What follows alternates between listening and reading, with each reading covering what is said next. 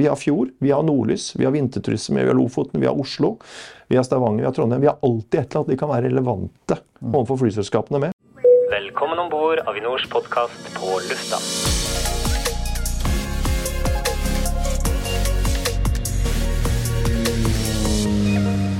Hallo alle sammen, og velkommen til en ny episode av På lufta. Har du noen gang lurt på hvordan en ny rute oppstår, og hva som egentlig ligger bak? Og stilt deg selv spørsmålet men hvorfor kan de ikke bare sette opp en rute til Syden i mars? For det er jo da jeg skal dit. Mitt mål i dag er ganske enkelt. Jeg vil finne ut av hvordan en ny flyrute blir til, og hvem det er som bestemmer i lufta. Mitt navn er Joakim Wester Andersen. Så hvor kommer den neste ruten? Blir det Firenze, Sør-Korea, Australia eller et annet eksotisk sted? Og hvorfor er det viktig for Norge med gode forbindelser mellom norske byer og til og fra utlandet? For å svare på dette og mye mye mer, så har jeg fått med meg Martin Langås. Han er leder for Pax og Cargo og har som ansvar å sørge for at vi har gode forbindelser inn og ut av landet. Velkommen til oss, Martin Langås.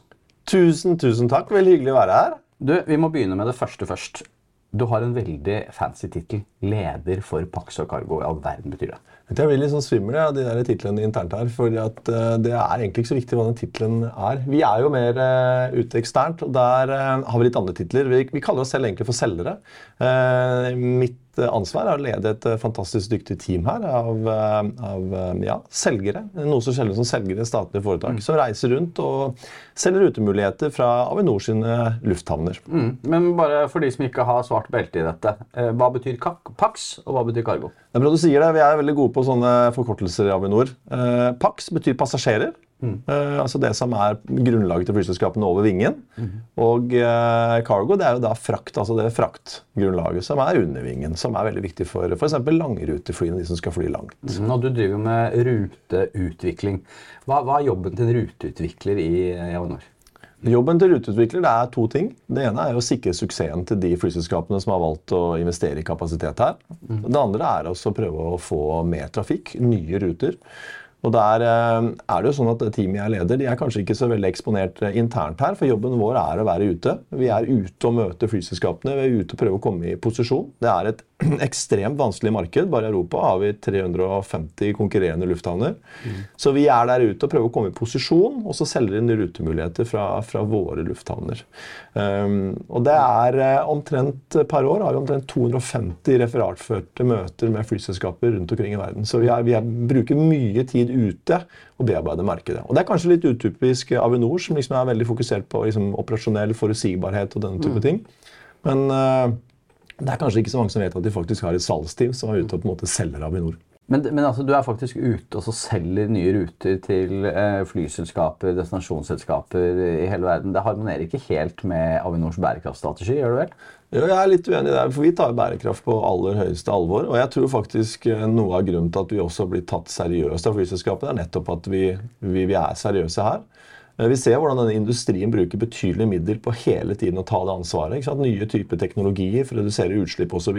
Men bærekraft for oss i trafikkutvikling handler jo også om bærekraftige flyruter.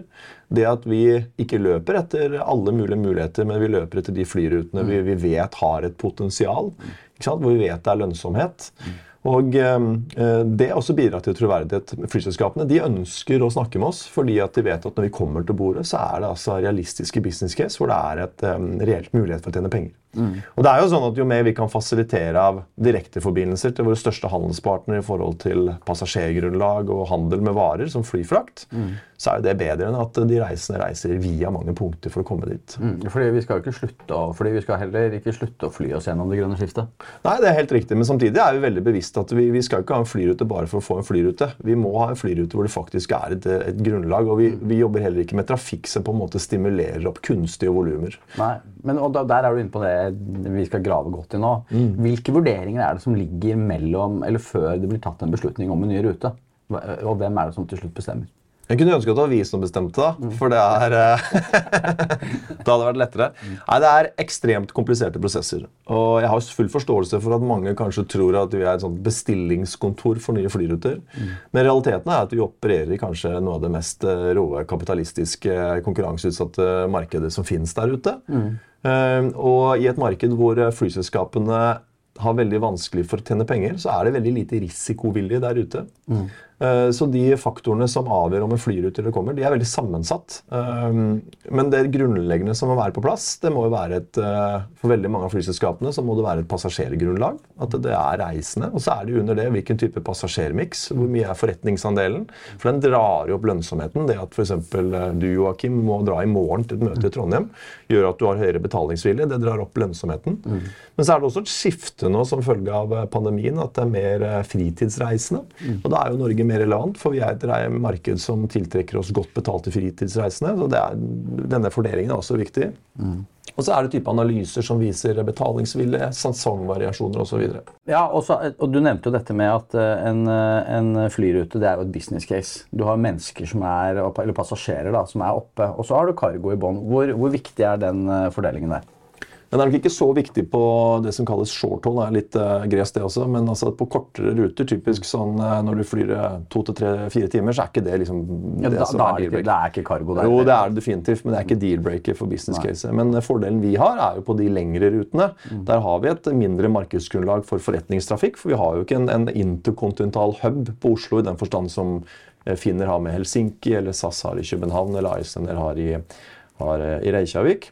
Men eh, vi har noe som de ikke har. Det er jo dette fraktmarkedet. Så det, det er veldig sterkt for oss. Det er veldig viktig. Eh, og vi kaller det litt sånn eh, Pax for laks, eller laks for paks, eller hvordan man skal si det. Fordi at vi ser at eh, fisken spesielt ut fra Oslo lufthavn, den er med på å sørge for at vi får flere fly, større fly og flere ruter enn det vi ellers ville hatt. Og, og hva er det Norge eksporterer mest av, hvis du skal kategorisere det på, som en topp tre? da? Ja, På flyfrakt så er eh, sjømat er, altså det er definitivt det største. Og faktisk Det er ikke så mange som vet dette, men, men altså atlantisk eh, laks det er det største flyfraktproduktet i Europa når det kommer til tonn. Vi, bare fra Norge så eksporteres det nærmere 700 tonn hver eneste dag ute i verden som flyfrakt. Og det er ganske betydelige mengder. Så vi ønsker jo at mest mulig av det skal fylle flyene til, fra Oslo lufthavn bl.a. Og så sørge for at vi får flere passasjerer og øke inntektene til Avinor. Så da er det, som jeg hører deg, det er flyselskapene som tar final call, beslutning, Ja. på, hvem, på om de skal etablere en rute eller ikke. Ja, men det, det, er også, det er også mye mer som ligger til her. Det ligger til f.eks. markedsadgang. I hvilken grad altså, det politiske miljøet har forhandlet fram rettigheter til å kunne fly til et marked. Eh, Dette er det med besøkskostnader. Hvor mye koster det å fly til Norge? Det er de-icing, det er relativt lang sektorlengde, handling osv. Masse parametere. Og så er det jo sånn at For flyselskapene så er det ikke sånn at de sitter med ledige fly til enhver tid. Alle flyselskapene har jo optimalisert flåten sin. Så ofte handler det om alternativ kost. Altså De må kutte noe for å åpne noe nytt. Og det er utrolig komplisert. Og det teamet jeg leder, vi jobber jo ett år i fram. Og mange av disse prosessene for å få nye ruter tar veldig lang tid. Det f.eks. å få en, eh, en sånn short-haul-rute, altså en rute to-tre timer ned i Europa, der snakker vi tre til fem-seks år. Eh, På langruter som går til Asia og USA, seks til ti år kanskje, minst. Og ni av ti baller vi løper på, de blir aldri realisert. For selv om du jobber business-casene fram, så forandrer ting seg hele tiden. Og utgangspunktet for flyselskapene å optimalisere flåten sin, de forandrer seg. Så Derfor er det viktig at vi hele tiden er ute og monitorerer markedet og følger med og liksom sørger for å være i posisjon på det riktige tidspunkt. Når, når, du snakker om, eh, når du snakker om markeder, Martin, hva er, det som, hva er det egentlig som gjør Norge til et attraktivt marked? Og hvorfor, hvorfor vil flyselskaper ute i verden etablere marked inn til Norge? Hva, hva er det dere selger på en måte når dere er ute og treffer andre ruteutviklere og flyselskap over hele verden? Så Vi er jo et eh, statlig foretak, så, i- den forstand så vi kanskje, har vi kanskje litt færre verktøy enn det mange av konkurrentene våre har. Eh, eh, det jeg bruker å si er at Vi kan jo ikke gå for til et flyselskap og si at bonjour, nå flyr du både til Bergen og Tromsø og Oslo. Vi skulle ikke gjøre en deal, altså fikse oss og fly til Trondheim også. Det, det kan ikke vi gjøre. Vi må, betale, vi må behandle alle likt. Men det vi kan gjøre og skal gjøre, mm. og det vi er best på, det er eh, nummer én å ha best relasjon til flyselskapene. Mm. og det føler jeg at vi har. Vi ser det at vi er en av de få eh, lufthavnoperatørene som faktisk blir invitert til flyselskapene. De ønsker at vi kommer ned til de og diskuterer business caser. Så det er, liksom, det er veldig bra for Avinor at vi har veldig god relasjon til både kunder og prospekter. Og så er det dette, litt tilbake til bærekraft der også, at vi har realistiske og gode business case når vi møter flyselskapene. Og Det har vi jobbet veldig strategisk med, og pga. det så har vi fått en posisjon i markedet at vi, vi blir lyttet til. Flyselskapene vet at når Avinor kommer til bordet, så er det, det er butikk. Det er verdt å lytte til. Så det betyr at også det er en avveiing for oss at eh, selv om kanskje Ålesund ønsker en rute et sted, så må også vi være veldig tydelige på at nei, det er kanskje ikke riktig tidspunkt å bringe dette til bordet, fordi at eh, vi er helt avhengig av å bli tatt seriøst og, og komme med relevante business cases. Og Ja. Derfor har vi veldig lav turnover på rutene. Altså De flyselskapene som åpner rute til oss, de fleste av de rutene blir stående. Og det er nettopp pga. det. For, for der sa du noe interessant. Du sa hvis Ålesund vil. Er det sånn, er det sånn innad i Avinor eller internt eh, at dere kjenner på et, eh, masse forespørsler fra de ulike byene, de ulike flyplassene og omverdenen rundt, som kommer til dere som et team og sier sånn Kan ikke dere bare fikse noe trafikk til oss? Hvor- Hvordan, eh, hvordan agerer man på sånne forespørsler? Ja, Det er helt riktig, og jeg syns det egentlig er veldig positivt. fordi at uh, Noe jeg jobber veldig mye med, er også på en måte å øke engasjement og forventninger til det vi driver med. Jeg tror det er sunt at det er forventninger til det arbeidet vi driver med. At det på en måte er litt synlig, de prosessene vi driver med. Selv om det er mye konfidensialitet. Men um, det er veldig mye engasjement rundt omkring i Norge. Og selvfølgelig er det viktig, det å få etablert uh, forbindelser. Det er jo viktig for turisme, handel og den type ting. Eh, men vi bruker også derfor veldig mye tid ute i regionene med å kalibrere forventningene. Fortelle hvordan dette fungerer. Eh, og det føler jeg vi nå har lykkes med. At, de forstår der ute at det er komplisert, det tar tid, at regionene må ta sitt ansvar, bygge reasons to go, jobbe med turoperatører. Og jeg føler at eh, vi har liksom klart å få veldig mange av regionene til nå å gå i takt. Um, og det ser vi at når vi klarer det, så lykkes vi. Uh, og da er det også lettere også å referere kanskje til andre regioner i Norge som har hatt en suksess, f.eks. i Tromsø, og si at se her, sånn har vi jobbet der, det fungerer. Og for, alle, for alle byene og alle regioner rundt i hele Norge så er jo dette med å få eh, innkommende fly fra ulike markeder i verden, det er jo bare mye viktigere enn eksempel bare å tenke at det er sydentrafikk som kommer. Det er mye større bilde enn det. Definitivt. Og det ligger nok også mye prestisje her. Og vi ser jo det at det er mye mer engasjement rundt å få nye ruter fra kanskje f.eks. Bodø enn det er fra Oslo. Mm. Og det har nok litt med metningsgraden å gjøre også. Men det er veldig viktig for veldig mange av de byene som, som vi representerer, å få flyforbindelser. Det gjør det lettere for næringslivet. Mm. Det stimulerer til handel. Og ikke minst, nå som det er eh, veldig vekst i turistsegmentet, dette å legge til rette for at folk kan komme effektivt inn til Norge. Så jeg er sånn, reiser litt rundt og ser turister på en øy eller på en buss, eller noe, så blir jeg litt stolt. fordi jeg tenker at eh, jeg har hjulpet og vært med å få de inn hit. Og det tror jeg driver mange, mange i teamet mitt også. Det at eh, oppdraget er litt større enn oss selv og lønningsposen. Det er liksom så viktig for Norge, den jobben vi gjør. Er det, eh, vi skal snart gå inn for landing på dette, dette, denne delen her, men sånn, er det noen markeder eh, du og gjengen din snuser litt ekstra på nå, eh, nå om dagen, eller kan det jo komme noen en spennende drypp? Det er det mange som spør om. ja, det er ikke så rart. Så det skulle gjerne vært 80-tallet, og så kunne jeg hatt som plass til en sånn stresskoffert med litt, litt godt i, så jeg kunne smurt prosessene. Nei, du, det er, det er, vi er underlagt veldig streng konfidensialitet, fordi at dette er en veldig konkurranseutsatt bransje, og veldig mye av informasjonen vi, vi har tilgang til, er børssensitiv. Men det jeg kan si, er at eh, vi har jo lykkes veldig veldig godt med, med short hold, altså relativt sånn korte europaruter. Der er dekningen veldig bra for OSL. Og selv om mange lufthavner rundt omkring i Norge gjerne skulle hatt mer, så er rutetilbudet faktisk ganske bra i Kristiansand. Det er veldig bra i Stavanger, bra i Bergen, bra i Ålesund, Trondheim og Tromsø. Tromsø har gått veldig bra for oss. Eh, Vi merker nå at markedet nå kommer til oss som Tromsø. Det neste store jeg kan si, Ja. det er jo sånn at vi jobber jo Når vi jobber nå, så jobber vi ett-to år fram i tid. Det er Lofoten. Vi har veldig tro på Lofoten. Så der tror vi det kommer noe. Jeg skal faktisk eh, ut i Europa i ettermiddag og i morgen ha møte med noen flyselskaper under Lofoten. og Jeg tror vi er ganske nærme på å kunne få til noen ting der. Da, da er vi faktisk nødt til å sette strek for akkurat den delen her. Men eh, ettersom vi har med oss en mann som har mer enn 150 reisedøgn i året, så er jeg helt sikker på at vi får med oss noe deilig, deilig reisenerding. Cabin crew, Ok, Martin.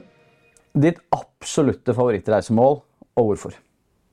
Jeg har en eh, jobb som, eh, som sier, som har mye, mye reise. eh, og vi er jo I trafikkutvikling så er vi jo tilgjengelige døgnet rundt. Det er litt av dynamikken.